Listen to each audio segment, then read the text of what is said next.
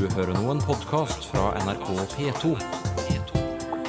nrk.no-podkast. Det blir kveld, og så blir det morgenkveld, og så blir det enda en gang til hvis ikke jeg blir stein.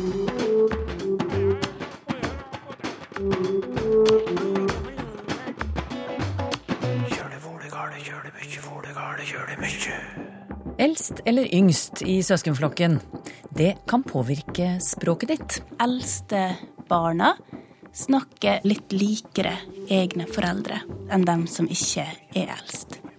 Noen pronomener er svært presise. Er det derfor de forsvinner ut av språket? Når du sier at det somme hus er gul, så har du egentlig sagt at det finnes det andre hus òg, da. Men de er altså ikke gule. Grønn genser, Sylfes Lomheim, det er navnet på en kake. Visste du det? Det var nytt for meg. Ja, ikke sant? For det er jo egentlig et klesplagg. Nei, Nei? grønn genser betyr et glass øl sammen med et glass portvin. Hva? Den forklaringen gleder jeg meg til, faktisk. Det er jo ganske vanskelig å ha en bror. Noen ganger han vil aldri ha grønnsaker. Peppers og sennep. Erter og alt altså. Da spytter du ut. Sennep og peppers. De har mye på hjertet, de to brødrene. Både storebror og lillebror er glad i å prate. Men snakker de på samme måte? Nei, det er slett ikke sikkert. For ny norsk forskning viser at rekkefølgen i søskenflokken kan påvirke barns språk. Dette er ett av funnene i et doktorgradsarbeide om hvordan språklæring foregår i familien.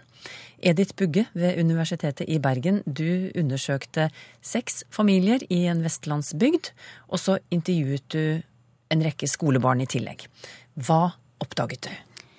Det som jeg fant, blant annet, eh, det var det at når jeg delte inn selv disse skoleungene, disse skoleklassene, eh, med sjuendeklassinger åttendeklassinger Når man delte dem i to og skilte mellom unger som var eldst i egen søskenflokk, og unger som ikke var eldst i egen søskenflokk, så er det en tendens til at eldste barna snakker ørlite grann mer tradisjonelt enn dem som ikke er eldst. Ja, på hvilken måte snakket eh, den eldste i flokken mer tradisjonelt? På en måte så kan vi si at eh, når man ser på endringene i språksamfunnet som helhet, altså endringene i, i de bygdene som undersøkte som helhet, så snakka dem som, som var eldst i egen søskenflokk, litt mer sånn som egne foreldre enn eh, unger som ikke er eldst i egen søskenflokk. Hvordan forklarer du eh, dette funnet ditt? Jo, det kan man jo forklare på, på flere måter. For det første så, så veit vi jo fra andre fag, sånn som psykologi og økonomi, samfunnsøkonomi, at eldstesøsken oppfører seg på en litt annen måte. For eksempel så, så veit vi fra økonomiske studier at de tjener litt bedre enn eh, unger som ikke er, er eldst egen søskenflokk. Nå snakker vi altså på gruppenivå, ikke på individnivå. Eh, og de får seg andre typer jobber. Og det kan man jo tenke seg altså i, i økonom, økonomien og i, i psykologien, så tenker man seg at dette her har å gjøre med en slags uttynningseffekt. Altså at eldstemann får mer stimuli, får være mer i lag med foreldrene og får, får en mer udelt oppmerksomhet de første barneårene. Og da kan man jo tenke seg det at det også gjelder for, for den språklige stimulien. Altså at eh, eldste unger får en mer udelt språklig input fra voksne. Men du, disse yngre søsknene i flokken, da. Mm. Hvem er deres språklige forbilder som gjør at de ikke snakker nødvendigvis helt sånn som den eldste i flokken gjør? Jo, det som vi veit, det er det at unger, eh, og det vet vi fra andre studier, eh, bl.a. i England og USA, at små unger ser ut som at de bruker foreldre sitt språksystem som, som modell da, når de skal lære seg å snakke. Og så når de begynner å bli en tre-fire år, så beveger de seg mot jevnaldrende i språksamfunnet. Altså Da begynner de å snakke. Da bruker de venner som modell mer. Så har du eldre søsken, så har du kanskje noen i den umiddelbare omgangskretsen som allerede har begynt på denne prosessen med å omstille seg til, til jevnaldringene sitt språksystem. Og det vil jo da si at eh, du har eh, i den umiddelbare omgangskretsen, når du er, er helt nyfødt inn i en eh, ny familie, har du både det her voksenspråksystemet og det her språksystemet til eldre søsken som har begynt å omstille seg til jevnaldrende unger. Det er den ene forklaringa. Og den andre forklaringa, det vil jo da Altså her, i den første forklaringa så tenker vi oss litt sånn her input. Um, ungen blir som en slags mottaker for, for språklig stimulans, kan du si. Men så kan du også tenke deg at eldstesøsken også seinere i livet føler noen andre forventninger enn det yngre søsken gjør. Dem som er yngre i egen søskenflokk. For eksempel så kan vi tenke oss at eldstesøsken i mindre grad er frikobla fra eh, tradisjonelle forventninger. Forventninger om prestasjon, f.eks. Mm. Men det vet vi jo ikke nok om, da. Mm. Men det kan også da kanskje slå ut på språket? Det vil jo da være den andre forklaringsmodellen, hvis mm. mm. Men at det eldste barnet i søskenflokken eh, snakker annerledes enn de yngre, eh, det er jo et nytt funn, da. Eh, mm. På hvilken måte utfordrer det etablerte teorier om, om språkutvikling i familien? Det som er spennende med det, er at når vi har sett på eh, dialektutvikling hos barn, i norsk dialektforskning, men også internasjonal eh, dialektforskning, så har forskerne egentlig bare sett på foreldre. Og man har sett at eh, f.eks. Eh, barn som har innflytterforeldre, bruker færre lokale trekk enn barn som ikke har innflytterforeldre. Mm. Men man har ikke inkludert søsken, eldre søsken i denne modellen. Denne, altså dialektlæringsmodellen. Man har sett for seg at, at barn går gjennom et sånt utviklingsløp, dialektutviklingsløp, der de begynner med foreldre sitt språksystem, og så går over til venner sitt språksystem, altså som, som modell. Men dersom vi skal inkludere søsken i en sånn modell, så får vi en liten komplisering. Fordi søsken språksystematisk, i hvert fall i teorien, vil kunne stå mellom foreldre sitt språksystem og venner sitt språksystem. Det vil si at, at eldstesøsken får den tidlige dialektlæringa si i noen helt grunnleggende annerledes rammer enn det yngre søsken gjør. Det er en av konklusjonene i Edith Bugges doktorgradsavhandling om språklig oppdragelse i familien. Bugge er knyttet til Universitetet i Bergen.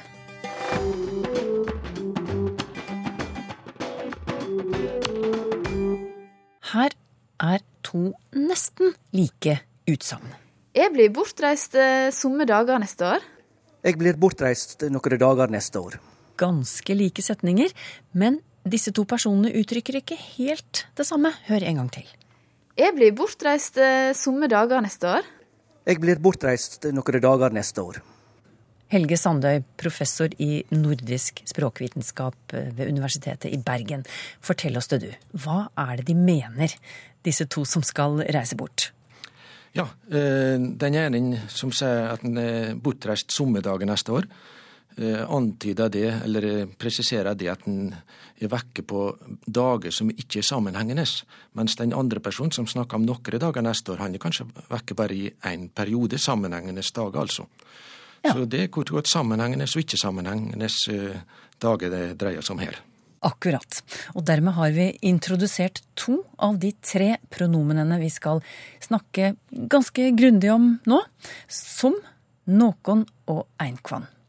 På standard bokmål kan de dekkes med ordet noen.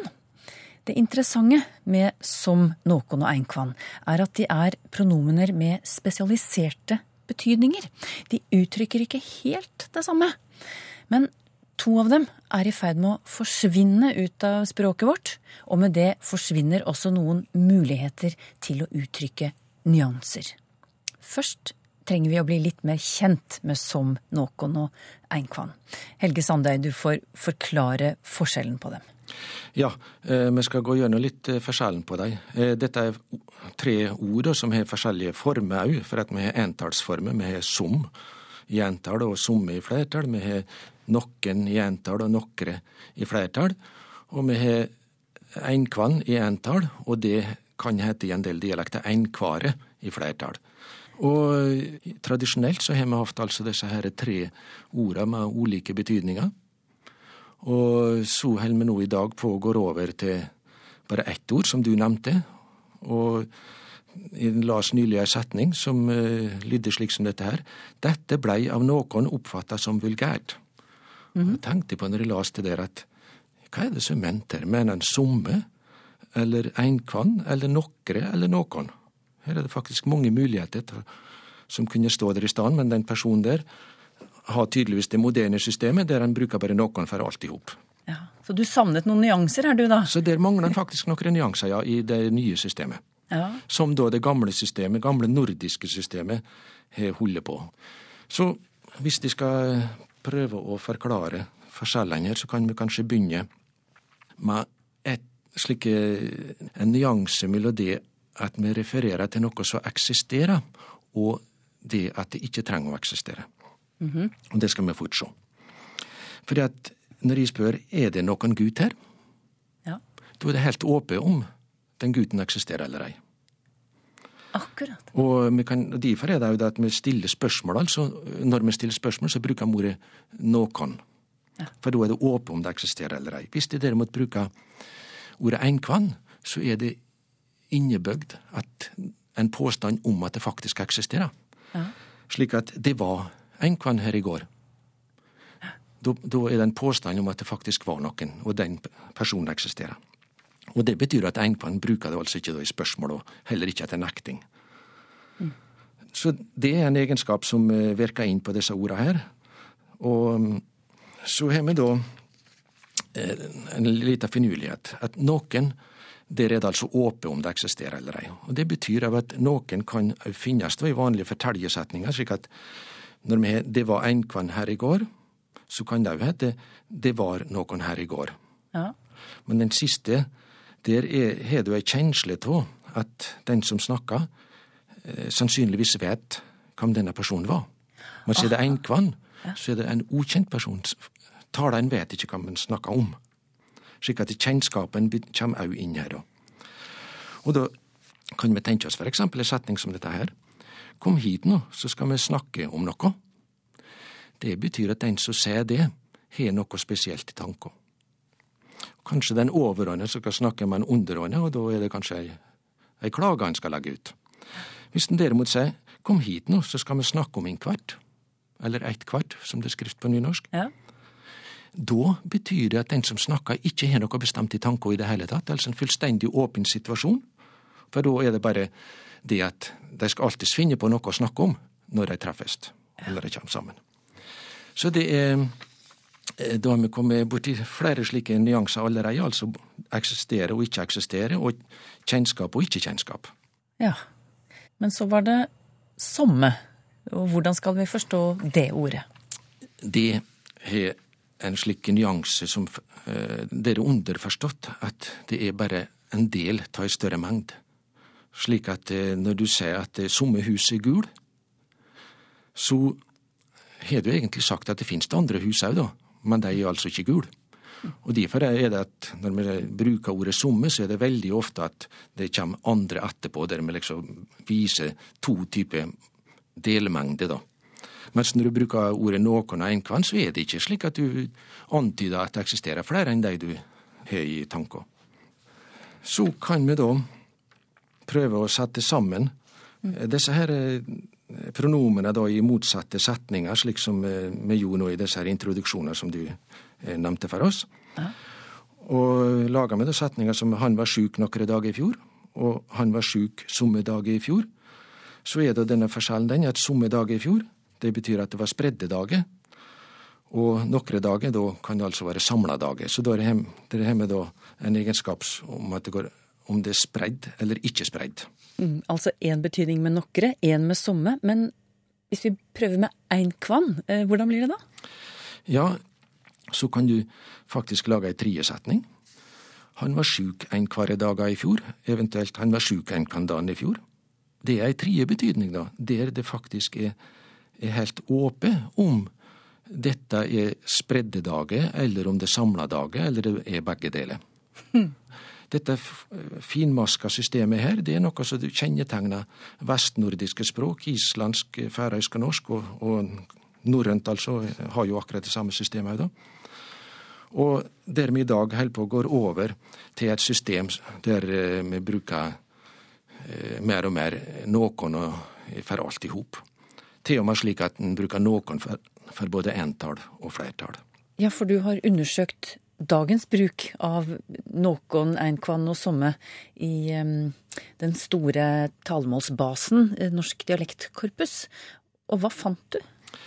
Der så jeg til min overraskelse at eh, Nord-Norge faktisk mangla belegg på somme. Så der har det tydeligvis i flere generasjoner eh, ikke vært noe bruk av de pronomene der. Slik at der heter det da noen ganger blir du direkte deprimert av den musikken, er det sagt. Der i Sør-Norge ville folk vanligvis ha sagt somme ganger. Så de var altså først ute med å forenkle systemet, og så ser vi da at blant de yngste, blant de som er under 30 år, der forsvinner det òg eh, på Vestlandet og i, i Trøndelag og Sentraløstlandet. Ja. Hvorfor forsvinner det?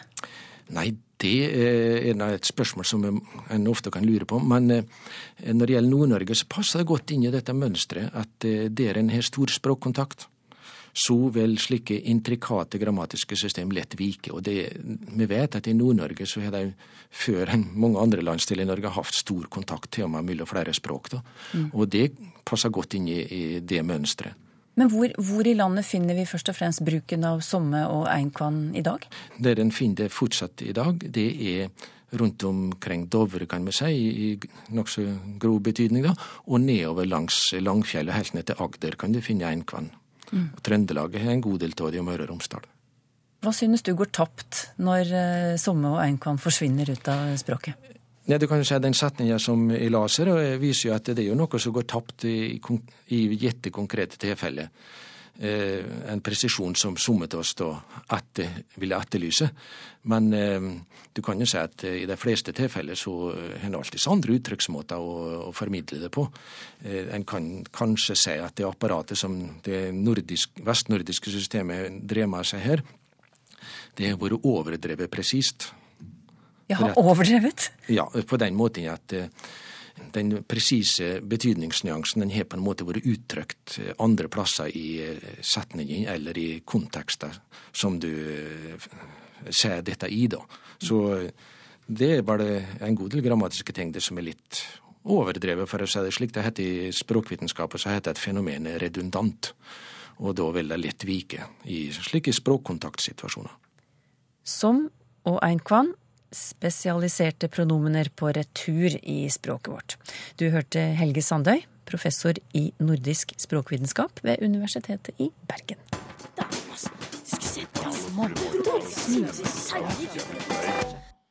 På tide å åpne lytterpost, Sylfest Lomheim. Først eh, et spørsmål fra Steinar Ilstad, som vil vite om vi har et annet ord for mulatt. Ja, altså, mulatt er jo et spansk-portugisisk ord, mulatt. Og eh, det tyder da et, eh, et lite muldyr. Og et muldyr er jo avkom etter kryssing av esel og hest. Så ordet mulatt, eh, som faktisk har av og til vært brukt om mennesker, vi kan ikke si at det er særlig pent sagt. Hvis vi skulle ha, holde oss til det saklige, Steinar Ilstad lurer på hva vi kunne si på norsk formulatt. Det måtte jo da bli et lite muldyr, eller et lite mullesel. Bjørn Slettbakk forteller at han fikk eh, et spørsmål fra barnebarnet på seks år. Og det spørsmålet kunne jeg ikke svare på, forteller han, så derfor så sender han det til oss. Hva betyr dom på engelsk, var spørsmålet fra barnebarnet. Og Bjørn Slettbakk skjønte ikke helt hva hun mente, men så presiserte hun ja, i for eksempel kristendom. Ja, og da kristendom eh, Dom er jo ei ending på norsk, og vi kunne jo da godt tenke oss Christianity. Så iti, eh, eller TU iallfall, er ei tilsvarende ending på engelsk i mange sammenhenger. Safety, eh, vanity, vanity fair osv. Så, videre. så ei ofte parallell ending på engelsk er TU. Men i ordet kristendom, eh, der vi har altså endinga dom, så tror jeg vi skal òg legge til en kommentar om ordet dom. Rikdom, kristendom, barndom. Hva betyr dette ordet dom på norsk? Og det artige er at det er akkurat samme ordet vi har i kristendom og rikdom og barndom, som vi har i rettssalen i det nakne ordet dom. Fordi at i utgangspunktet så betyr ordet dom faktisk bare tilstand. Så når det blir eh, sagt en dom, så blir altså den personen sagt eh, at nå får du denne tilstanden, denne dommen. Og derfor så betyr barndom det er tilstanden å være barn. Rikdom er tilstanden å være rik. Og kristendom er tilstanden å være kristen. Johannes Løken har et spørsmål knyttet til preposisjonene av og om. I en nyhetssending ble det sagt at syrerne i Damaskus tar én dag av gangen. Men vår lytter lurer på om det ikke skal være preposisjonen om her. Og jeg er enig med Johannes Løken i det, fordi dette vil jeg si er ei sammenblanding. Vi sier enten en dag om gangen, eller en dag ad gangen. Ad er en gammel latinsk preposisjon som vi òg av og til bruker i norsk. Men en dag av gangen vil jeg ikke se på som eh, mønstergyldig. Annelise Nilsen både irriterer seg og morer seg over feil uttale av enkelte ord. Hun mener at 99% av alle nordmenn sliter med ordet regissør. Ja, det tror jeg. Til og med representanter for yrkesgruppen omtaler seg selv som regissører. I samme gate, sier hun, finner vi navnet Auschwitz, som av de fleste nordmenn uttales Auschwitz, eller Auschwitz. Når jeg for moro skyld har konfrontert folk med dette, så skjønner de ikke hva jeg mener engang. ja, Det burde, det dette er kjent for deg? Det burde de, for eh, dette er gode dømmer på feilaktig uttale, og iallfall i mer offentlige sammenhenger i NRK, så bør selvsagt uttalen være riktig. Eh, Dette med regissør er jo en, en lydforskyvning. Det skal være regissør. Regissør. Og det er ikke så vanskelig å holde tunga beint i munnen her hvis han bare tenker på å ha regien på noe. For det er jo det samme ordet, regi, og da blir det regissør. Sjølve opphavet er egentlig latin, og ordet på latin som ligger til grunn for det meste her, er ordet rex, som er styrer og konge, og som har gitt oss regjering og å regjere. Alt dette betyr å styre. Slik at en regissør er han som har styringa, og det stemmer jo veldig bra. Så har vi Auschwitz, og det er ikke tvil om at det er slik det skal være. Auschwitz, som er navnet på den tyske konsentrasjonsleiren i Polen. Og der kan vi jo òg eh, legge merke til at, at eh, dette navnet bare blir brukt om konsentrasjonsleiren, altså den tyske konsentrasjonsleiren, fordi at stadnavnet, denne vesle byen, ligger jo i Polen ennå, og polakkene bruker aldri det tyske navnet om landsbyen, og da må jeg konsentrere meg litt. Landsbyen på polsk heter Auschwitz, som er nesten Vi hører jo at det likner på Auschwitz, men det polske navnet er altså Auschwitz. Finn E. Isaksen har hatt gleden av, som han skriver, å bo i Tromsø i tolv år. Og der opplevde han også å kunne gå på bakeriet og kjøpe grønn genser, som var en liten marsipankake med grønt lokk. Og eh, så trodde han at dette var eksklusivt for eh, Tromsø, eller for deler av Troms, men han har nå funnet ut at det går an f.eks. i Drammensområdet også å kjøpe seg en grønn genser, i betydning av en, en kake med, med grønt lokk. Han lurer på om vi vet hvordan dette navnet har oppstått. Eh, jeg vet ikke, Sylfest, gjør du? Mm, Nei, dette er nytt for meg. Ikke grønn genser, det er et uttrykk jeg kjenner, men at grønn genser betyr ei lita marsipankake med grønt lokk, det var nytt for meg. Det jeg kjenner til, er at grønn genser er et uttrykk for et glass øl sammen med et glass portvin. Og det skal skrive seg fra Bergen, men er òg kjent på Østlandet og i Oslo-området. Og hvorfor øl pluss portvin heter grønn genser, om det har noe med fargen på etiketten, altså den portvinsflaska å gjøre, eller hva det nå er, det veit jeg rett og slett ikke. Så kanskje vi skulle spørre lytterne her enn, er det noen som veit kvifor det heiter grønn genser når folk drikker øl og portvin, så vil vi gjerne vite det, for jeg har ikke sett noe sikker og god forklaring.